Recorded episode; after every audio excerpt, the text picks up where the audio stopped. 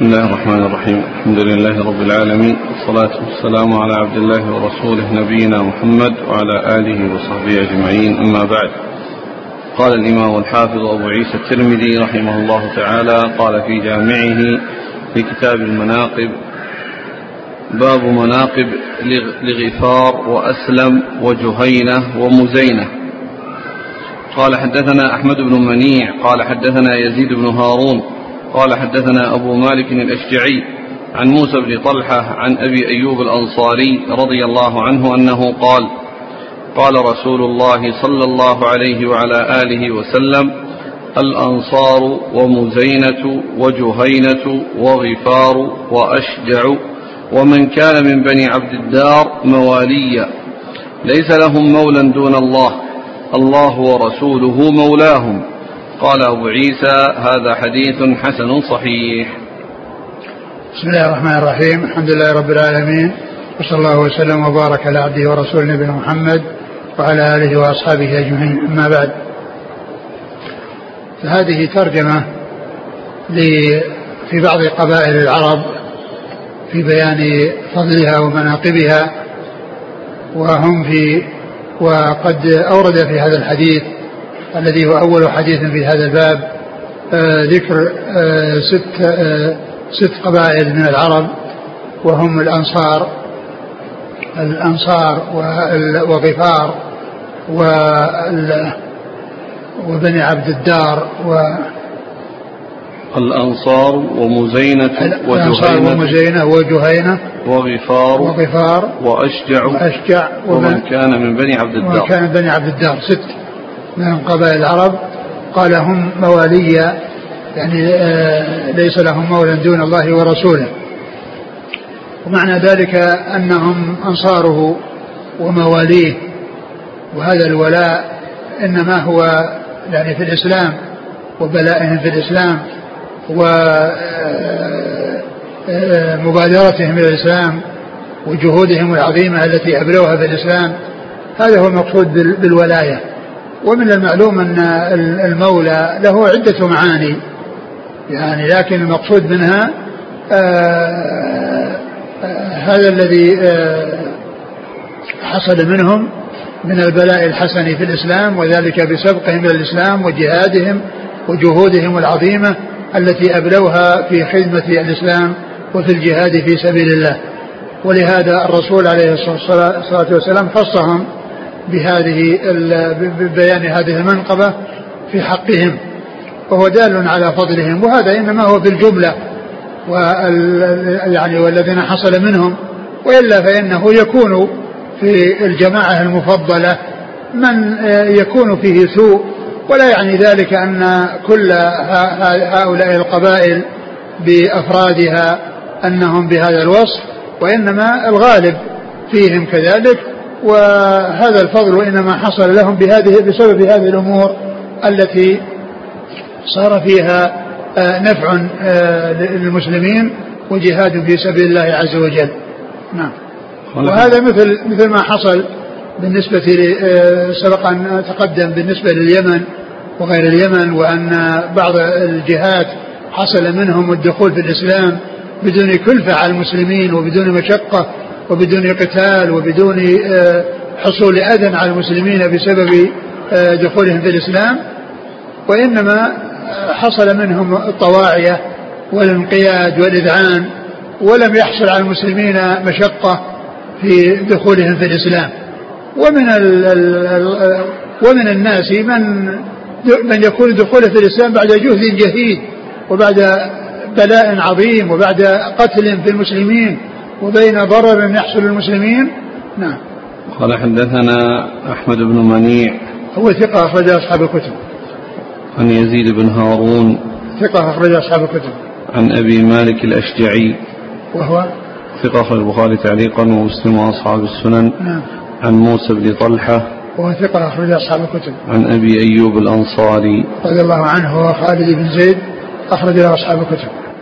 قال حدثنا علي بن حجر. قال حدثنا إسماعيل بن جعفر عن عبد الله بن دينار عن ابن عمر رضي الله عنهما أن رسول الله صلى الله عليه وعلى آله وسلم قال أسلم سالمها الله وغفار غفر الله لها وعصية عصت الله ورسوله. قال أبو عيسى هذا حديث حسن صحيح. ثم ذكر هذا الحديث في هذه القبائل الثلاث. أسلم سالمها الله. أسلم سالمها الله. يعني أنها ليست يعني حربا أو آه، محاربة آه، وإنما يعني مسالمة. ولم يحصل منها أذى وإيذاء للمسلمين.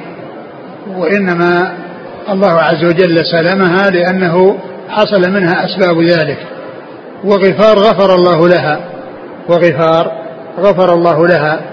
يعني وهذا آه، دعاء آه، لها أو إخبار عن حصول المغفرة لها و وعصي عصت الله ورسوله وعصي عصت الله ورسوله.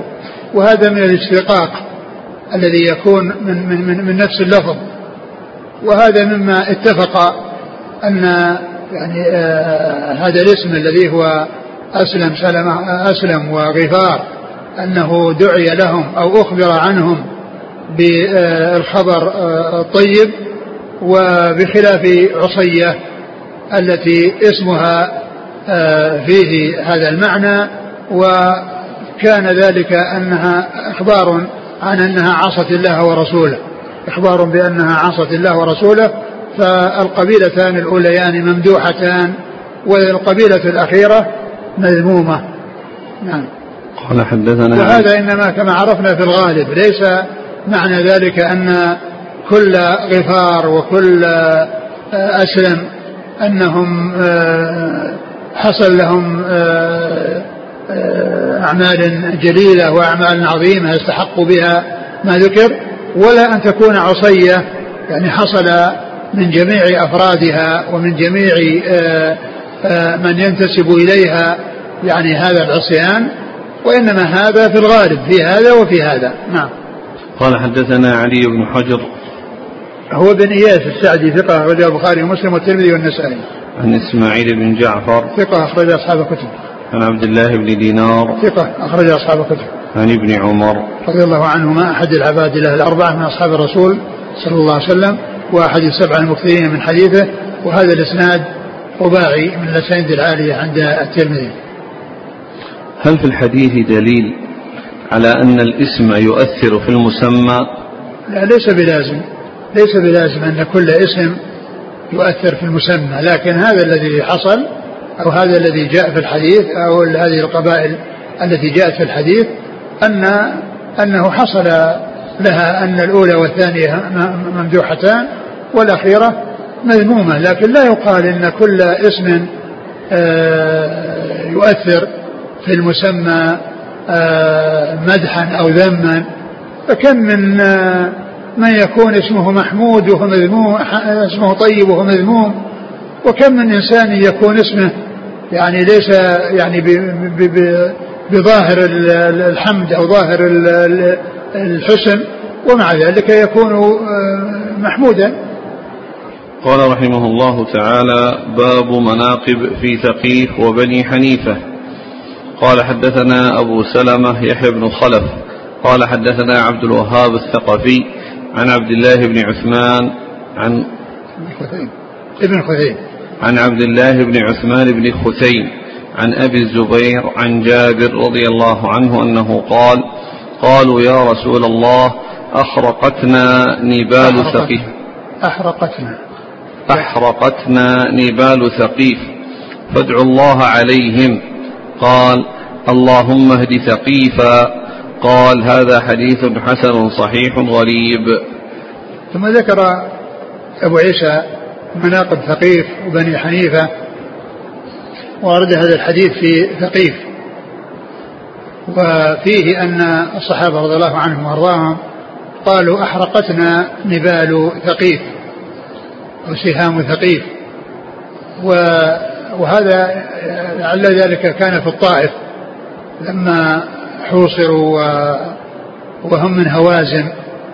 ف آه، الرسول عليه الصلاة والسلام قال اللهم اهدي اللهم اهدي ثقيفا. اللهم اهدي ثقيفا يعني دعا لهم. اللهم اهد ثقيفا. نعم. اللهم اهد ثقيفا دعا لهم. يعني لما قالوا للنبي صلى الله عليه وسلم أنهم أصابهم ضرر من ثقيف ونبالهم وسهامهم وأنها أحرقتهم وحصل الضرر لهم من هذه السهام لأنهم قوم رماة وعندهم خبرة وبصيرة يعني في الحرب والقتال. فقال عليه الصلاة والسلام اللهم اهدي ثقيفا.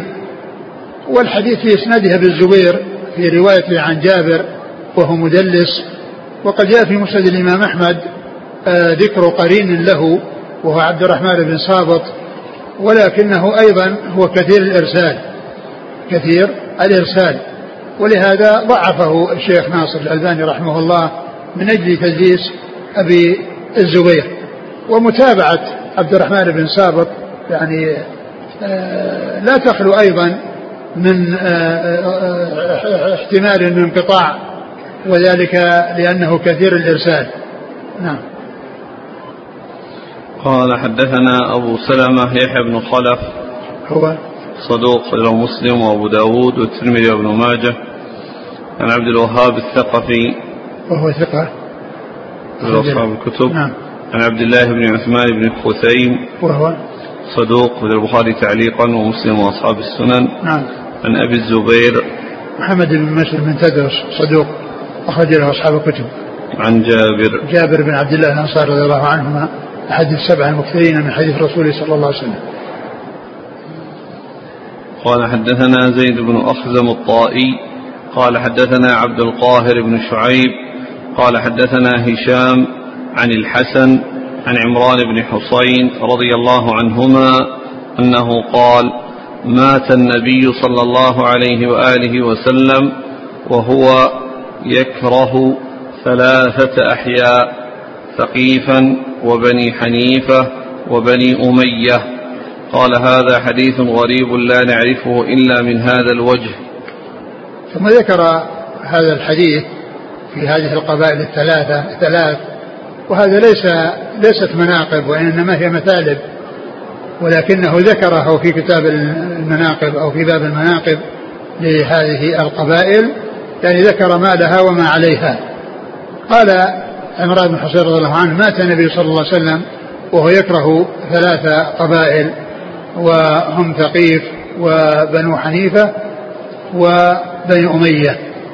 وهذا الحديث ليس بصحيح لأنه من رواية الحسن عن عمران بن حصين وهو مدلس فلم يثبت هذا الحديث ولم يصح عن رسول الله صلى الله عليه وسلم. نعم. قال حدثنا زيد بن أخزم الطائي. هو؟ ثقة البخاري وأصحاب السنن. نعم. عن عبد القاهر بن شعيب. وهو؟ لا بأس به. نعم. أبو داود والترمذي. نعم. عن هشام عن الحسن. هشام بن حسان ثقة أخرج أصحاب الكتب. والحسن بن أبي الحسن البصري ثقة أخرج أصحاب الكتب. عن عمران بن حسين. أبو نجيد رضي الله عنه أخرج له أصحاب الكتب. قال حدثنا علي بن حجر قال أخبرنا الفضل بن موسى عن شريك عن عبد الله بن عصم عن ابن عمر رضي الله عنهما أنه قال قال رسول الله صلى الله عليه وعلى آله وسلم في ثقيف كذاب ومبير قال حدثنا عبد الرحمن بن واقد أبو مسلم قال حدثنا شريك بهذا الإسناد نحوه وعبد الله بن عصم يكنى أبا علوان وهو كوفي. قال, قال هذا حديث حسن غريب لا نعرفه إلا من حديث شريك وشريك يقول عبد الله بن عصم وإسرائيل يروي عن هذا الشيخ ويقول عبد الله بن عصمة. وفي الباب عن أسماء بنت أبي بكر رضي الله عنهما. ثم ذكر أبو عيسى هذا الحديث؟ وهو في ثقيف كذاب ومبير. وهذا يعني ليس مدحا وإنما هو ذم لكون فيهم يعني آه هذان الشخصان. والكذاب هو المختار بن أبي عبيد الثقفي. المختار بن أبي عبيد الثقفي والمبير هو الحجاج بن يوسف. الحجاج بن يوسف الذي هو آه، حصل على يديه الظلم حصل منه الظلم والتقتيل. والمبير هو المهلك يعني الذي حصل على يديه الهلاك. و وقد جاء في حديث أسماء بنت أبي بكر أم عبد الله بن الزبير الذي آه، أشار إليه المصنف وهو في صحيح مسلم أن أنه لما قتل عبد الله بن الزبير رضي الله عنه وجاء إليها قالت آه، أن النبي صلى الله عليه وسلم أخبرنا بأن في ثقيف كذابا ومبيرا وأما الكذاب فقد عرفناه وأما المبير فلا يخاله إلا أنت وأما المبير فلا يخاله إلا أنت وعلى هذا فهذان الثقفيان مذمومان أحدهما المختار بن أبي عبيد آه، الثقفي وهو أخو صفية بنت أبي عبيد امرأة عبد الله بن عمر رضي الله تعالى عنهما والثاني المبير وهو الحجاج بن يوسف. قال حدثنا علي بن حجر عن الفضل بن موسى هو السيناني ثقة أخرج أصحاب الكتب. عن شريك. وهو شريك القاضي شريك بن عبد الله النخعي الكوفي القاضي وهو صدوق آه، اختلط لما ولي القضاء وحديث أخرجه البخاري تعليقا ومسلم وأصحاب السنة. عن عبد الله بن عصم وهو؟ صدوق يخطئ صحيح أبو داود والترمذي وابن ماجه. نعم. عن ابن عمر قال حدثنا عبد الرحمن بن واقد هو صدوق يغلط أخرج له الترمذي وابن ماجه. قال وشريك يقول عبد الله بن عصم وإسرائيل يروي عن هذا الشيخ ويقول عبد الله بن عصم بن يعني يقال, يقال فيه عصمة ويقال فيه عصم نعم.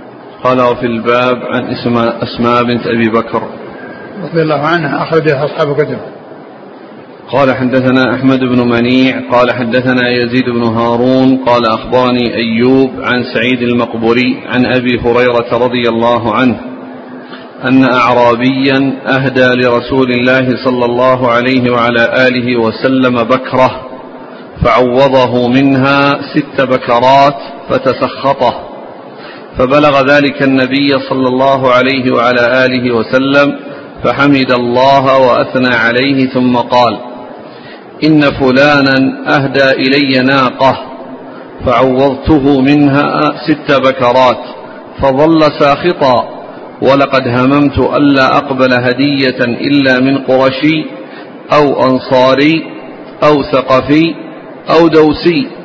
قال وفي هذا وفي الحديث كلام أكثر من هذا. قال هذا حديث قد روي من غير وجه عن أبي هريرة. ويزيد بن هارون يروي عن أيوب أبي العلاء وهو أيوب بن مسكين ويقال ابن أبي مسكين. ولعل هذا الحديث الذي رواه عن أيوب عن سعيد المقبري وهو أيوب أبو العلاء. هو, هو عبد الوهاب. ولعل هذا الحديث الذي رواه عن أيوب هو عن أيوب عن, عن سعيد المقبري هو أيوب أبو العلاء. ثم ذكر أبو عيسى هذا الحديث عن النبي صلى الله عليه وسلم أنه أهدى إليه أعرابي آه، بكرا والبكر هو الفتي من الإبل مثل الغلام من الرجال يعني أنه في مقتبل عمره ليس متقدما في السن فهو قوي وفتي. فالرسول صلى الله عليه وسلم عوضه حتى وصل تعويضه إلى ست من جنسه. ومع ذلك ظل ساخطا. ظل ساخطا. ولعل السبب في ذلك أنه علم من جود النبي صلى الله عليه وسلم وكرمه وإحسانه وبذله وعطائه ففكر في شيء كثير. فلم يعجبه هذا الكثير الذي هو خمسة أضعاف الذي أتى به. كأنه يطمع في شيء كثير لما يعلمه من جود النبي صلى الله عليه وسلم وكرمه وإحسانه. وهو الذي عليه الصلاة والسلام أعطى رجلا يعني آه، آه، يعني على التأليف على الإسلام غنما بين جبلين. أعطى غنما بين جبلين وجاء هذا الرجل يعني ينصح قومه ويدعوهم الإسلام ويقال قال أسلموا يا قوم فإن محمدا يعطي عطاء من لا يخفي الفقر فإن محمدا يعطي عطاء من لا يخفي الفقر فالأعرابي كأنه آه، قد طمع في شيء كثير وقد أعطي شيء كثير ولكنه سخطه. فالرسول صلى الله عليه وسلم بعدما تسخط وبعد صار يظهر التسخط وعدم الرضا بالشيء الذي يعطيه وهو كثير قال عليه الصلاة والسلام لقد هممت أن لا أقبل هدية إلا من قرشي أو أنصاري أو ثقفي أو دوسي. يعني وكان هذه القبائل يعني ليس عندهم الطمع وليس عندهم يعني شدة الشرة وإنما عندهم قناعة وعندهم كرم. فمن أجل ذلك الرسول صلى الله عليه وسلم أعلن في الناس أنه آه، هم أن لا يقبل إلا من هؤلاء لأنه إذا أعطاهم يقبلون الشيء الذي يعطونه ولا يظلون ساخطين لأنهم يريدون الطمع ويريدون الشيء الكثير وإنما يكفيهم الشيء الذي يعطونه إذا أعطوا في مقابل ما أهدوه. نعم. قال حدثنا أحمد بن منيع. ثقة أخرج أصحاب الكتب. عن يزيد بن هارون. ثقة أخرج أصحاب الكتب. عن أيوب. أيوب أبو العلاء هو صدوق له أوهام نعم. أبو داود والترمذي والنسائي. نعم. عن سعيد المقبري هو ثقة أخرج أصحاب الكتب. عن أبي هريرة. رضي الله عنه وأكثر الصحابة حديثا. قال حدثنا محمد بن إسماعيل قال حدثنا أحمد بن خالد الحمصي قال حدثنا محمد بن إسحاق عن سعيد بن أبي سعيد المقبري عن أبيه عن أبي هريرة رضي الله عنه أنه قال أهدى رجل من بني فزارة إلى النبي صلى الله عليه وآله وسلم ناقة من إبله ناقة من إبله التي كانوا أصابوا بالغابة فعوضه منها بعض العوض فتسخطه. فسمعت رسول الله صلى الله عليه وعلى آله وسلم على هذا المنبر يقول إن رجالا من العرب يهدي أحدهم الهدية فأعوضه منها بقدر ما عندي ثم يتسخطه فيظل يتسخط علي. وأيم الله لا أقبل بعد مقامي هذا من رجل من العرب هدية إلا من قرشي أو أنصاري أو ثقفي أو دوسي. قال وهذا حديث حسن وهو أصح من حديث يزيد بن هارون عن أيوب. وهذا مثل الذي قبله. يتعلق بهذه القبائل الأربع وأن الرسول صلى الله عليه وسلم هم أن لا يقبل إلا منهم وذلك لما تميزوا به من من القناعة والكرم وعدم الجشع والطمع. نعم. قال حدثنا محمد بن إسماعيل. وهو البخاري نعم. عن أحمد بن خالد الحمصي وهو؟ صدوق البخاري في جزء القراءة والبخاري في جزء القراءة وأصحاب السنن. نعم. عن محمد بن إسحاق. هو المدني صدوق خرجه البخاري تعليقا ومسلم وأصحاب السنن. عن سعيد بن أبي سعيد المقبري نعم. عن أبي نعم. عن أبي هريرة. نعم. يعني سعيد بن أبي سعيد المقبري يروي عن أبيه عن أبي هريرة ويروي عن النبي عن عن أبي هريرة مباشرة. يعني فسعيد يروي عن أبي هريرة ويروي عن أبيه عن أبي هريرة. كل هذا ثابت في الصحيحين وفي غيرهما. نعم. قال حدثنا إبراهيم بن يعقوب وغير واحد قالوا حدثنا وهب بن جرير قال حدثنا أبي قال سمعت عبد الله بن ملاذ يحدث عن نمير بن أوس عن مالك بن مسروح عن عامر بن أبي عامر الأشعري عن أبيه رضي الله عنه أنه قال قال رسول الله صلى الله عليه وعلى آله وسلم نعم الحي الأسد والأشعريون. لا يفرون في القتال ولا يغلون. هم مني وأنا منهم. قال فحدثت بذلك معاوية فقال ليس هكذا قال رسول الله. قال هم مني وإلي. فقلت ليس هكذا حدثني أبي ولكنه حدثني قال سمعت رسول الله صلى الله عليه وسلم يقول هم مني وأنا منهم. قال فأنت أعلم بحديث أبيك. قال هذا حديث حسن غريب لا نعرفه إلا من حديث وهب بن جرير. ويقال الأسد هم الأزد. ثم ذكر أبو عيسى هذا الحديث في فضل الأسدي أو الأزدي والأشعريين. وأن أنهم قال فيهم النبي صلى الله عليه وسلم نعم الأسد والأشعرون أو الأشعريون آه، لا يفرون في القتال و ولا؟ لا ولا يغلون. ولا يغلون. يعني يأخذون من الغنائم شيئا يغلونه. هم مني وأنا منهم. فقال معاوية لما حدثه ابن آه، أبي مالك في هذا الحديث قال ما هكذا قال الرسول صلى الله عليه وسلم وإنما قال هم مني وإلي. فقال الذي سمعته من أبي أنه قال هم مني وأنا منهم. وهذا الذي وهذا الحديث ضعيف الإسناد لأن فيه عبد الله بن ملاذ وهو مجهول وفيه آه الأخير اللي هو مسروح مالك بن مسروح مالك بن مسروح هو مقبول.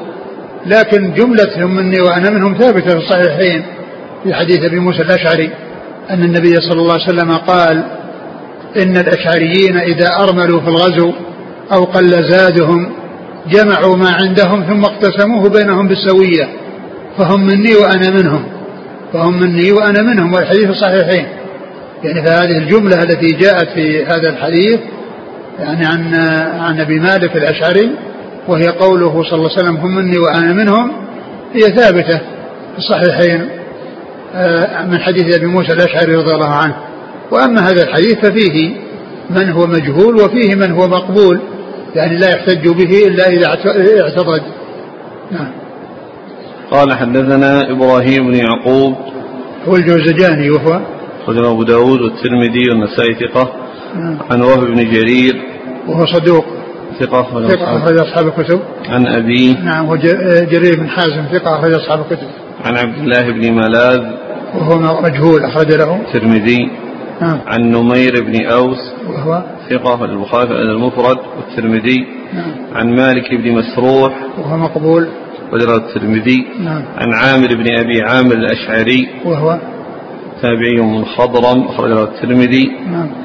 عن أبيه رضي الله عنه أخرج له. البخاري تعليقا والترمذي. أخرج له. البخاري تعليقا. والترمذي؟ نعم. بس ما في أبو مالك الأشعري. أبو عامر. أبو عامر نعم.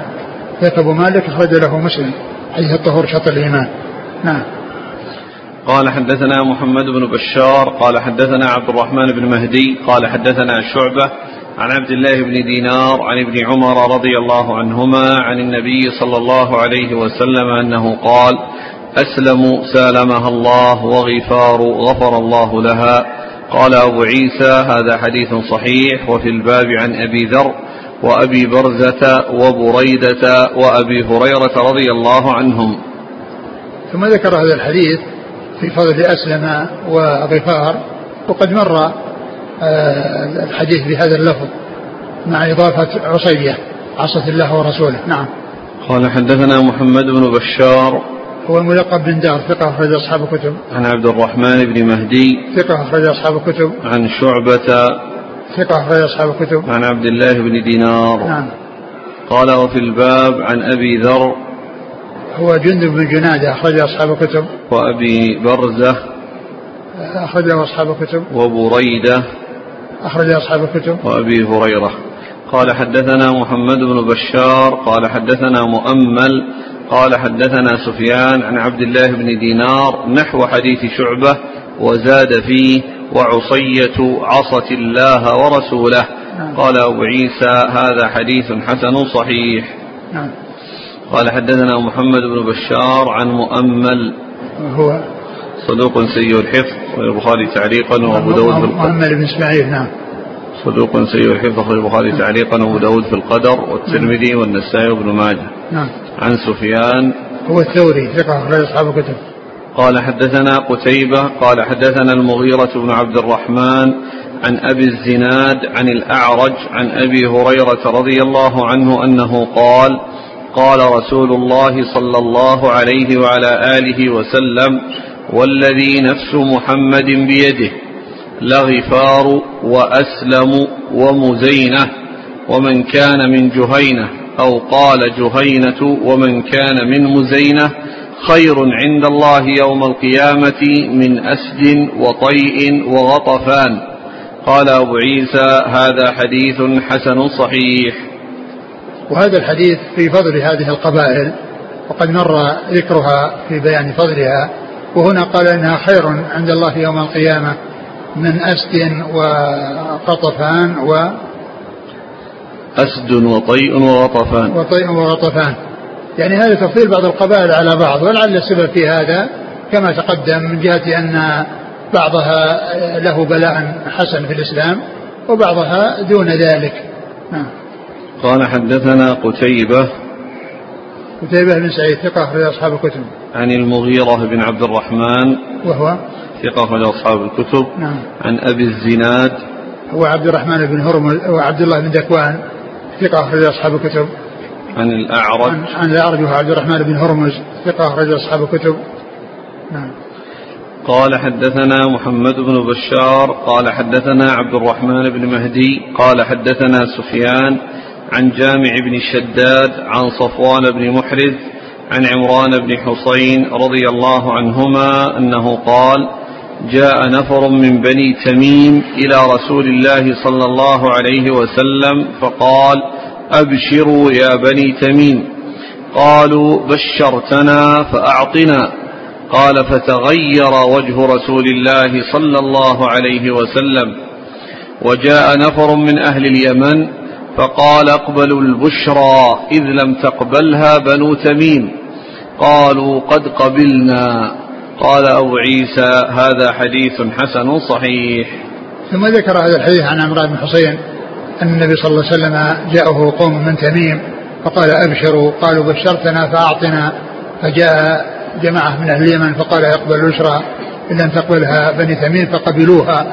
وقوله اقبل البشرى يعني البشرى في الدار الآخرة من الثواب للأعمال الصالحة والدخول في الإسلام. والجهاد في سبيل الله عز وجل فأخبر أو أرشد إلى ما عده الله عز وجل من النعيم لمن يحصل منه الأعمال الصالحة والأعمال الحسنة والبلاء الحسن في الإسلام. فكان رغبتهم الدنيا ورغبتهم الطمع فقالوا بشرتنا فأعطنا يعني يريدون عطاء عاجلا. فجاء أهل اليمن وقال أقبل البشرى فقالوا قبلنا. ثم سألوه كما جاء في الحديث آه، الذي سبق أن مر جئنا نسأل عن أول هذا الأمر. قال كان الله ولا شيء قبله وقدر الله مقادير وكان عرشه على الماء. حديث حديث طويل يعني هذا أوله. نعم.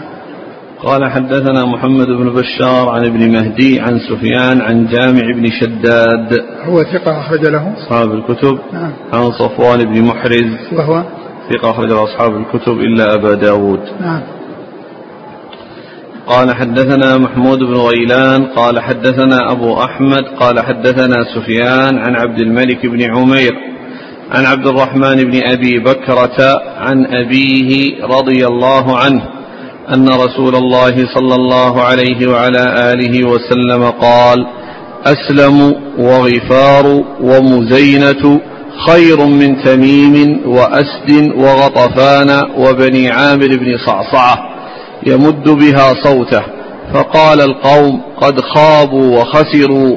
قال فهم خير منهم. قال هذا حديث حسن صحيح. وهذا في تفضيل بعض القبائل على بعض وتخيير بعضها على بعض وأن بعضهم خير من بعض. وقد مر الحديث بهذا المعنى. نعم. قال حدثنا محمود بن غيلان نعم. ثقة أخرج أصحاب الكتب إلا أبا داود. عن أبي أحمد. والزبيري محمد بن عبد الله بن الزبير ثقة أخرج أصحاب الكتب. عن سفيان عن عبد الملك بن عمير.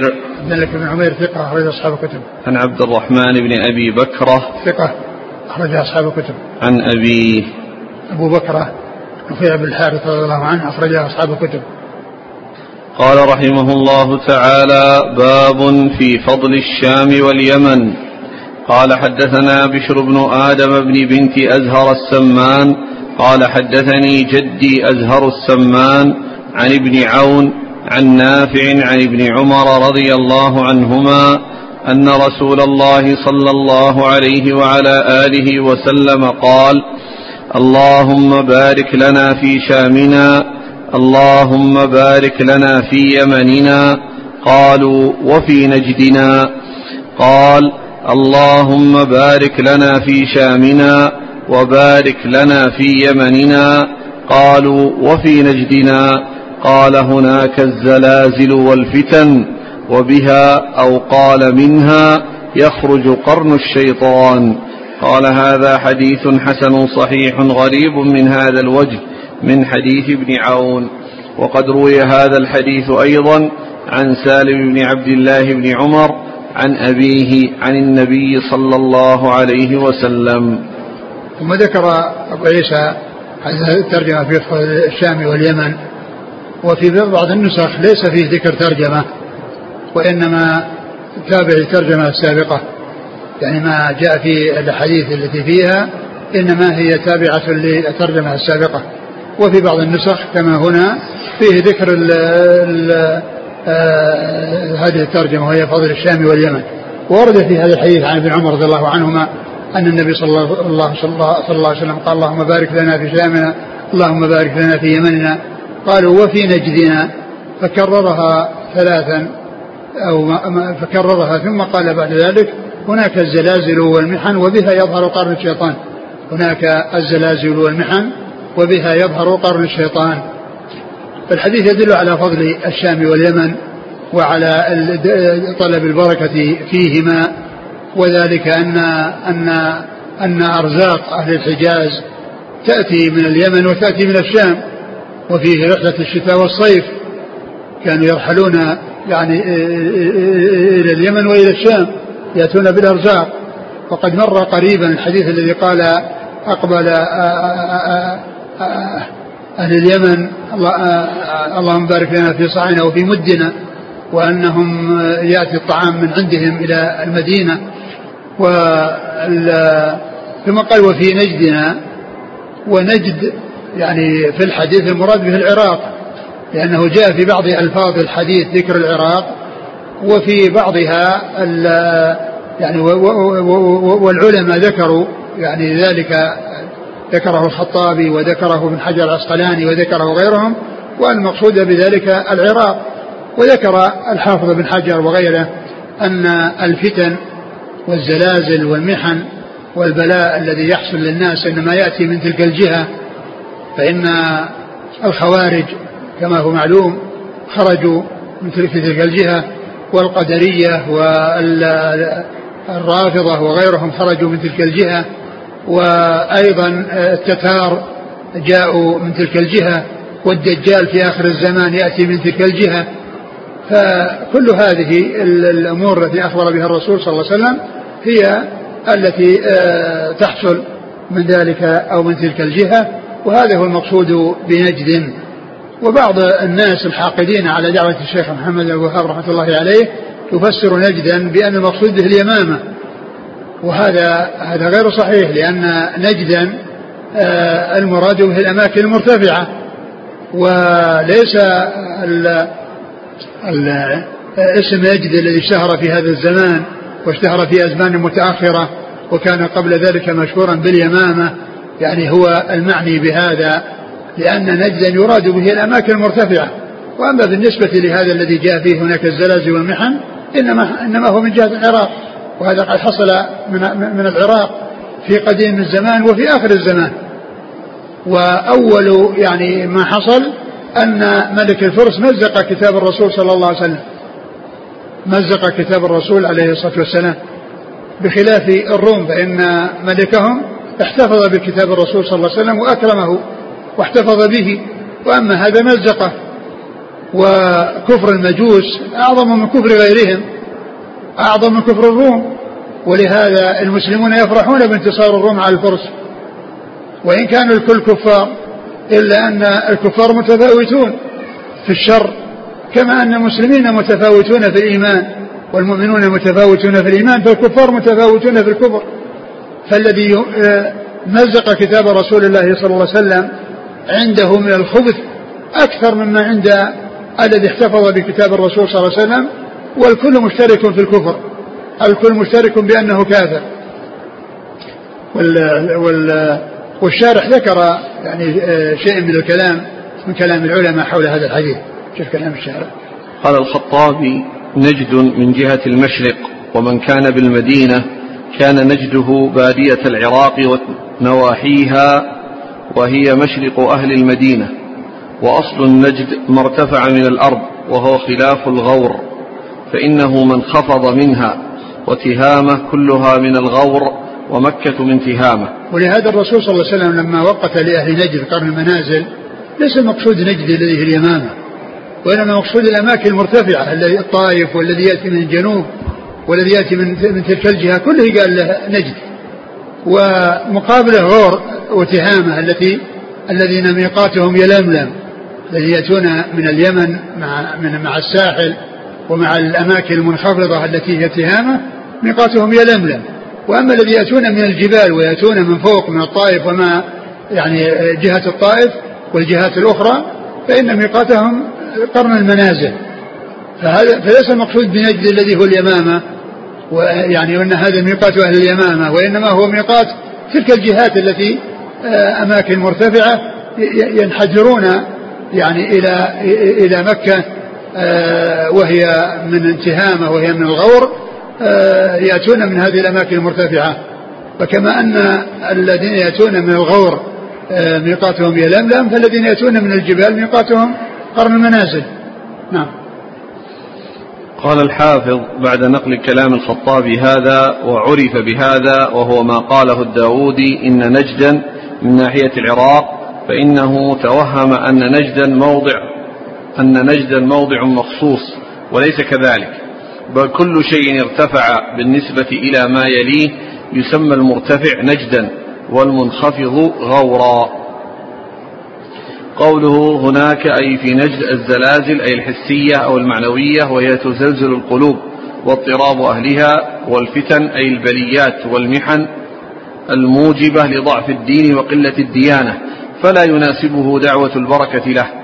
قال المهلب إنما ترك صلى الله عليه وسلم الدعاء لأهل المشرق ليضعفوا عن الشر الذي هو موضوع في جهتهم لاستيلاء الشيطان بالفتن. وبها أو قال منها شك من الراوي والضمير راجع إلى نجد والتأنيث البقعة. يخرج قرن الشيطان أي حزبه وأهل وقته وزمانه وأعوانه. ذكره السيوطي. وقيل يحتمل أن يريد بالقرن قوة الشيطان وما يستعين به على الإضلال وكان أهل المشرق يومئذ أهل كفر. فأخبر صلى الله عليه وسلم أن الفتنة تكون من تلك الناحية فكان كما أخبر. وأول الفتن كان من قبل المشرق فكان ذلك سببا للفرقة بين المسلمين وذلك ما يحبه الشيطان ويفرح به. وكذلك البدع نشأت من تلك الجهة كذا في فتح الباري. وقال العيني في شرح حديث ابن عمر إنه صلى الله عليه وسلم قال إلى جنب المنبر فقال الفتنة ها هنا من حيث يطلع قرن الشيطان أو قال قرن الشمس ما لفظه وإنما أشار صلى الله عليه وسلم إلى المشرق لأن أهله يومئذ كانوا أهل كفر فأخبر أن الفتنة تكون من تلك الناحية وكذلك كانت هي وقعة الجمل ووقعة صفين ثم ظهور الخوارج في أرض نجد والعراق وما وراءها من المشرق. وكانت الفتنة الكبرى التي كانت مفتاح فساد ذات البين قتل عثمان رضي الله تعالى عنه. وكان صلى الله عليه وسلم يحذر من ذلك ويعلم به قبل وقوعه. وذلك من دلالات نبوته صلى الله عليه وآله وسلم. انتهى. نعم. قال حدثنا بشر بن آدم هو ثقة صدوق فيه لين. نعم. أخرج له أبو داود والترمذي والنسائي في مسند علي وابن ماجه. عن جده أزهر السمان. هو ثقة أخرج أصحاب الكتب إلا ابن ماجه. نعم. عن ابن عون. عبد الله بن عون ثقة أخرج أصحاب الكتب. عن نافع عن ابن عمر. نافع بن عمر ثقة أخرج أصحاب الكتب. وروي أيضا عن سالم بن عبد الله بن عمر عن أبيه. وهو ثقة أخرج أصحاب الكتب. تنبيه على الطلاب. المطلوب من الإخوان الذين يأخذون الزكوات والمساعدات أن كل واحد يرسل ورقة يكتب مشتملة على اسمه وبلده وتوقيعه ومؤرخة في نفس اليوم. نعم. قال حدثنا محمد بن بشار قال حدثنا وهب بن جرير قال حدثنا أبي قال سمعت يحيى بن أيوب يحدث عن يزيد بن أبي حبيب عن عبد الرحمن بن شماسة عن زيد بن ثابت رضي الله عنه أنه قال كنا عند رسول الله صلى الله عليه وآله وسلم نؤلف القرآن من الرقاع. فقال رسول الله صلى الله عليه وسلم طوبى للشام. فقلنا لأي ذلك يا رسول الله؟ قال لأن ملائكة الرحمن باسطة أجنحتها عليها. قال هذا حديث أجنحتها. باسطة أجنحتها عليها. قال هذا حديث حسن غريب إنما نعرفه من حديث يحيى بن أيوب. ثم ذكر أبو عيسى هذا الحديث؟ هو في فضل الشام. وهو أن النبي صلى الله عليه وسلم قال قال زيد زيد بن, بن ثابت نعم. كنا نؤلف القرآن من الرقاع أن نجمعه. يعني كانوا يكتبون في الرقاع والأشياء التي يكتبون عليها القرآن كانوا يجمعون يعني من يجمعونه من هذه الأشياء التي يكتبونه فيها. فقال النبي صلى الله عليه وسلم طوبى لأهل الشام. طوبى لأهل الشام وهذا مدح وثناء. قيل لما يا رسول الله؟ قال إن ملائكة الرحمن باسطة أجنحتها. باسطة أجنحتها. ومقصود ذلك ملائكة الرحمة. فهذا يدل على فضل الشام. نعم. قال حدثنا محمد بن بشار عن وهب بن جرير عن أبيه عن يحيى بن أيوب. هو؟ صدوق ربما أخطأ رجل أصحاب الكتب. نعم. عن يزيد بن أبي حبيب. وهو ثقة رجل أصحاب الكتب. عن عبد الرحمن بن شماسة. وهو؟ ثقة أخرجه مسلم وأصحاب السنن. نعم. عن زيد بن ثابت. رضي الله عنه أخرج أصحاب الكتب. قال حدثنا محمد بن بشار قال حدثنا أبو عامر العقدي قال حدثنا هشام بن سعد عن سعيد بن أبي سعيد المقبري عن أبي هريرة رضي الله عنه عن النبي صلى الله عليه وآله وسلم أنه قال لينتهين أقوام يفتخرون بآبائهم الذين ماتوا إنما هم فحم جهنم أو ليكونن أهون على الله من الجعل الذي يدهده الخرأ بأنفه إن الله قد أذهب عنكم عبية الجاهلية. إنما هو مؤمن تقي وفاجر شقي. الناس كلهم بنو آدم وآدم خلق من تراب. قال وفي الباب عن ابن عمر وابن عباس رضي الله عنهم. قال وهذا حديث حسن غريب. أوله أول الحديث. لينتهين أقوام. نعم. لينتهين أقوام يفتخرون بآبائهم الذين ماتوا. إنما هم فحم جهنم. أو ليكونن أهون على الله من الجعل الذي يدهده الخرأ بأنفه. لينتهين أقوام عن الفخر بآبائهم الذين ماتوا وهم فحم جهنم. يفتخرون بآبائهم وهم كفار. يفتخرون بآبائهم وهم كفار. يعني والفخر كما هو معلوم جاء الإسلام بمنع الافتخار بالأنساب وال والنيل من الأنساب يعني يفخر في قبيلته ويذم قبيلة غير القبائل الأخرى. وإنما آه، آه، المطلوب هو التواضع وعدم التكبر والاستكبار والفخر والخيلاء وإيذاء الناس والنيل من أنساب الناس. وإنما آه، يكون هناك التواضع وعدم الافتخار لينتهين أقوام عن آه، بآبائهم وقد ماتوا وهم في فحم جهنم أو ليكون أهون عند الله من الجعل الذي يدهده العذرة الذي يدهده العذرة وهو الذي بأنفه يأتي إلى القراءة ثم يقتطع منها قطعة ثم يدفعها ويذهب بها ف يعني ذم لمن حصل منه الافتخار بالأحساب والأنساب وأن أن أن أنه يكون بهذا الوصف الذميم والهيئة القبيحة وهي أنه يشبه يعني هذا الجعل الذي يعني هذا شأنه إنما يقع على النجاسات ويقع على العذرة بحيث يدهدهها يعني يأخذها في أنفه ويقطعها ثم يذهب بها يعني يسوقها برجليه. ف فيعني هذا ذم وأن من يفتخر يكون بهذا الوصف يعني آه إنما يفتخر بأناس يعني هلكوا وماتوا وهم كفار وكذلك لو افتخر بأناس أحيا وإنما ذكر الموت لأنها الغالب أن الافتخار بأناس تقدموا وإلا قد يفتخر بمن هو موجود. قد يفتخر بمن هو موجود وهو مذموم. نعم. أو يجهده. نعم. أو ليكونن أهون على الله من الجعل الذي يدهده الخرأ بأنفه. نعم. إن الله قد أذهب عنكم عبية الجاهلية. إن الله قد أذهب عنكم عبية الجاهلية وهي فخرها بآبائها وتكبرها. نعم. إنما هو مؤمن تقي وفاجر شقي. إنما هو مؤمن تقي أو فاجر فاجر شقي. هذا هو انقسام الناس. انقسام الناس إلى تقي وإلى شقي. إلى مؤمن تقي وإلى فاجر شقي. فلا فخر لأحد على أحد إلا بتقوى الله عز وجل. هذا هو الذي فيه الفخر وفيه العزة وفيه الشرف وفيه الحسب إن أكرمكم عند الله أتقاكم. ويقول عليه الصلاة والسلام ومن بطأ به عمله لم يسرع به نسبه. ومن بطأ به عمله لم يسرع به نسبه. فالمعول عليه الأعمال الصالحة التي يتقرب بها الإنسان إلى الله سبحانه وتعالى. وهذا هو الذي ينفعه في دينه ودنياه. وهذه هي سعادة الدنيا وسعادة الآخرة. الذي تكون به سعادة الدنيا وسعادة الآخرة. الأعمال الصالحة التي تقرب إلى الله عز وجل زلفى بها سعادة الدنيا وسعادة الآخرة. إنما هو من شقي. الناس لآدم؟ نعم كلهم بنو آدم وآدم. الناس كلهم بنو آدم وآدم من تراب فكيف يفتخر؟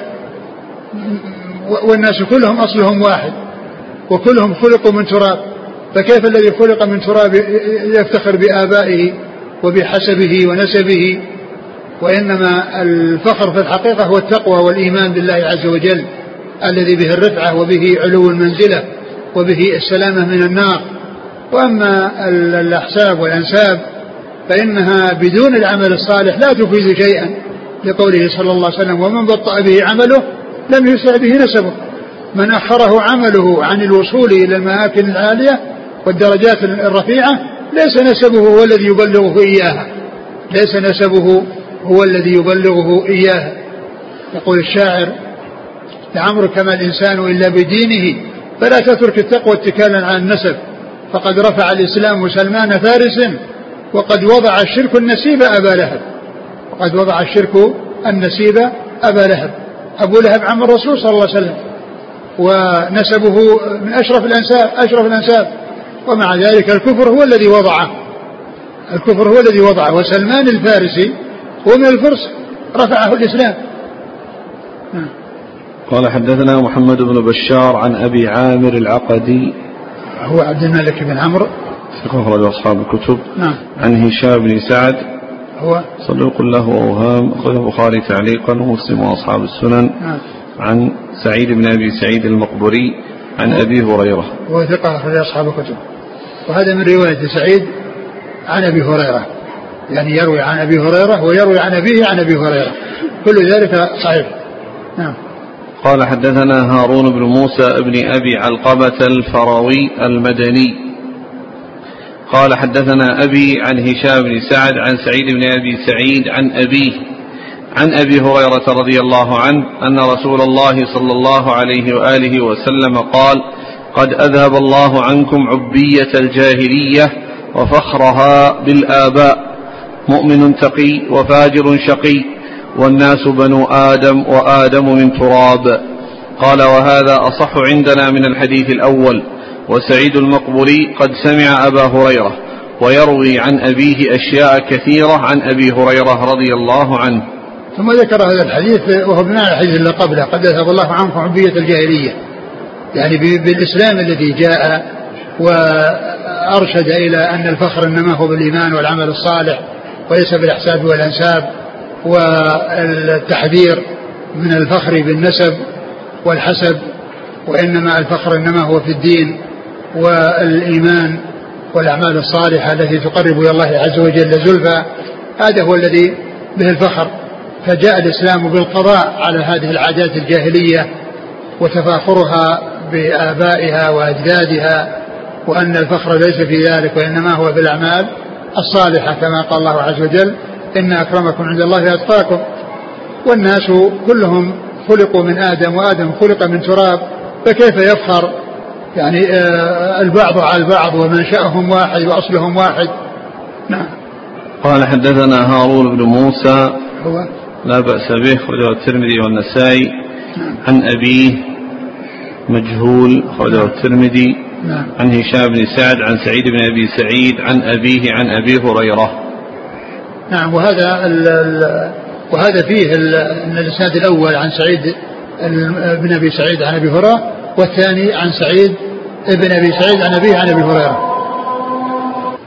وبهذا الحديث ينتهي تنتهي الأحاديث التي أوردها الترمذي رحمه الله في جامعه ونسأل الله عز وجل أن يوفقنا جميعا لما يرضيه.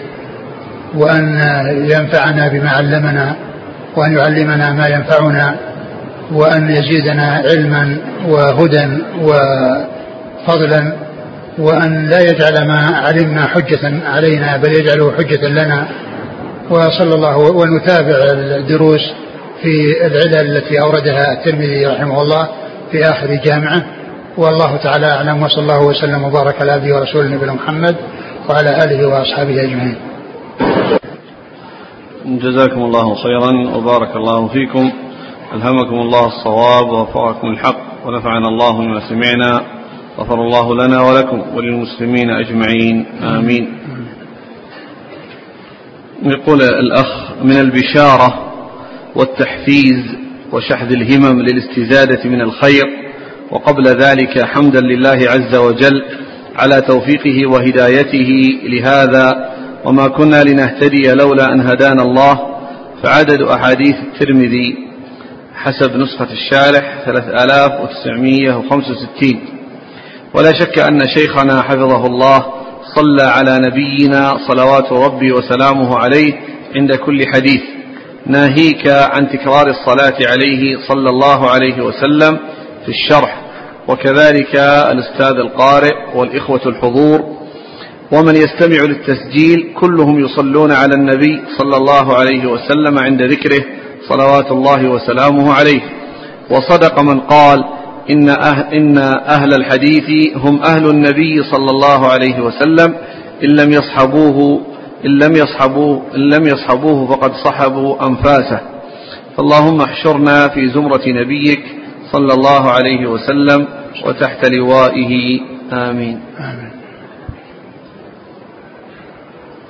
لا شك أن الاشتغال بالحديث فيه الإكثار من الصلاة والسلام على رسول الله صلى الله عليه وسلم.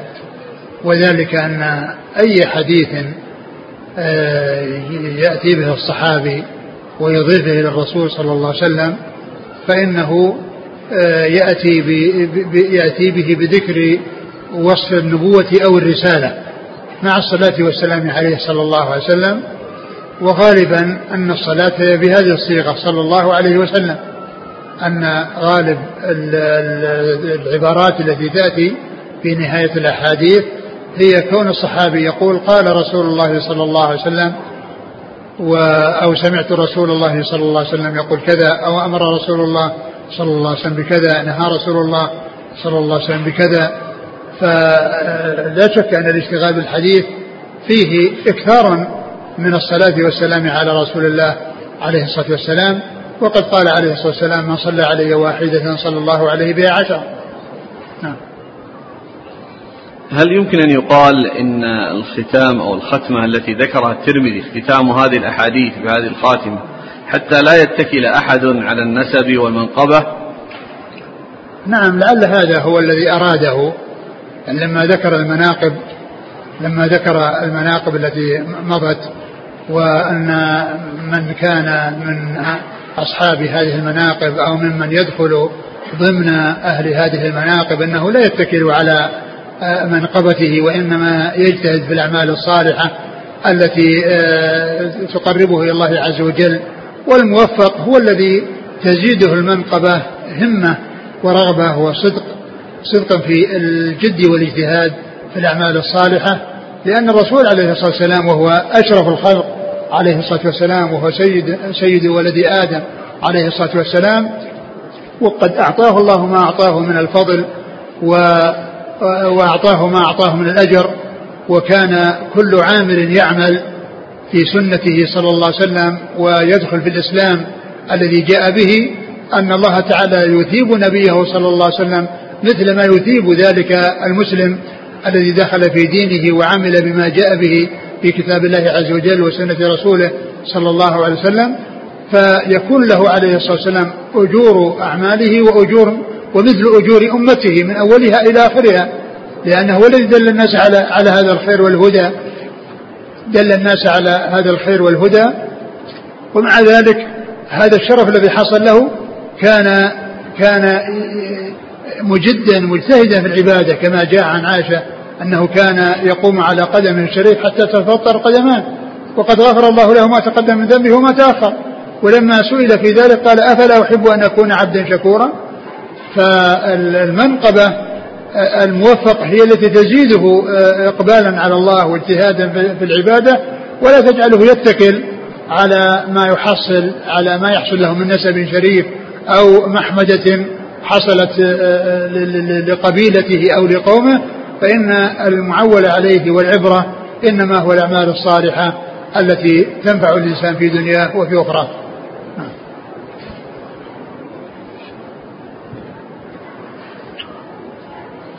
يقول ما معنى المولى بشقيه؟ وهل لا زال هناك موالي في الإسلام؟ المولى الذي يأتي ذكره كثيرا يعني في الكتب ولا سيما في يعني في كتب المصطلح. كتب المصطلح يعني يذكرون يعني الموالي. يذكر الموالي يقولون الولاء يكون بالرق بالعتق ويكون بالحلف ويكون بالإسلام ويكون بال يعني بالمناصرة والتأييد وكل هذه يعني آه، تدخل ضمن آه، ضمن آه، المولى.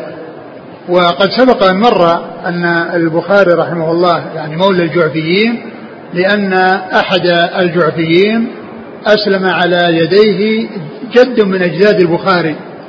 فصار البخاري وآباؤه إلى ذلك الذي أسلم على يد رجل من الجعفيين ينسبون إلى الجعفيين ولاء. والولاء يكون من أسفل ومن أعلى. يعني صاحب صاحب النعمة يقال له مولى من أعلى والمنعم عليه يقال له مولى من أسفل فالمعتق مولى من أعلى والمعتق مولى من أسفل ولهذا يرث المولى من أعلى دون المولى من أسفل لأن المولى من أعلى هو صاحب النعمة. المولى من أعلى هو صاحب النعمة. فلهذا صار له نصيب في الميراث. عندما ينتهي أهل التعصيب من النسب يأتي عند ذلك المولى أو العصوبة بالولاء. نعم. يسأل عن ديار هذه القبائل التي مرت. هل هو معروف؟ نعم لهم منازل معروفة. أقول منازل معروفة. يعني ال يعني ال آه، القبائل العربية لها أماكن يعني معينة يعني هي تعتبر ديارهم مثل هذه ديار دوس وهذه ديار تميم وهذه ديار آه، بني سليم وهذه ديار جهينة وهذه ديار مزينة. نعم كل كل قبيلة لها أماكن معروفة. في الحديث أسلم سلمها الله غفار غفر الله لها. هل في الحديث جواز الدعاء بالمغفرة للكفار؟ وكذلك قوله عن قريش اللهم اغفر لقومي فإنهم لا يعلمون. الكافر لا يدعى له بالمغفرة. يعني يعني الكافر الذي وإنما يدعى له بالهداية. الكفار يدعى لهم بالهداية. والمغفرة إنما تدعى إنما تحصل لمن يكون مسلما. والذي هو أهل المغفرة. وأما الكفار فإنه آه، آآ فإن الله عز وجل أخبر بأنه لا يغفر للكفار. إن الله لا يغفر أن يشرك به ويغفر ما دون ذلك لمن يشاء. الكفار يدعى لهم بالهداية ولا يدعى لهم بالمغفرة. المغفرة يدعى بها المسلمين. طيب كيف يحمل الآن؟ نعم. الجواب عن الحديث. غفار هذه كانت مسلمة ولا كانت كفار؟ غفر الله لها. اللهم اغفر لا لا مسلمين دولة مسلمين. لأنه كما قلنا يعني حصل منهم بلاء في الإسلام وحصل منهم دخولهم في الإسلام بسهولة بخلاف يعني آه، بعض القبائل يعني حصل شدة وما دخلوا في الإسلام إلا بعد جهد جهيد وبعد قتل في المسلمين وضعف أو اتلاف أموال المسلمين واللهم اغفر لقومي فإنهم لا يعلمون. آه، كونه المقصود من ذلك أنهم يعني آه، يوفقون للهداية وتحصل لهم المغفرة. وإن الكافر وأما الكافر فالله أخبر بأنه لا يغفر له. إن الله لا يغفر أن يشرك به ويغفر ما دون ذلك لمن يشاء. هل المبير الحجاج بن يوسف قطعا أم أن هذا على غلبة الظن؟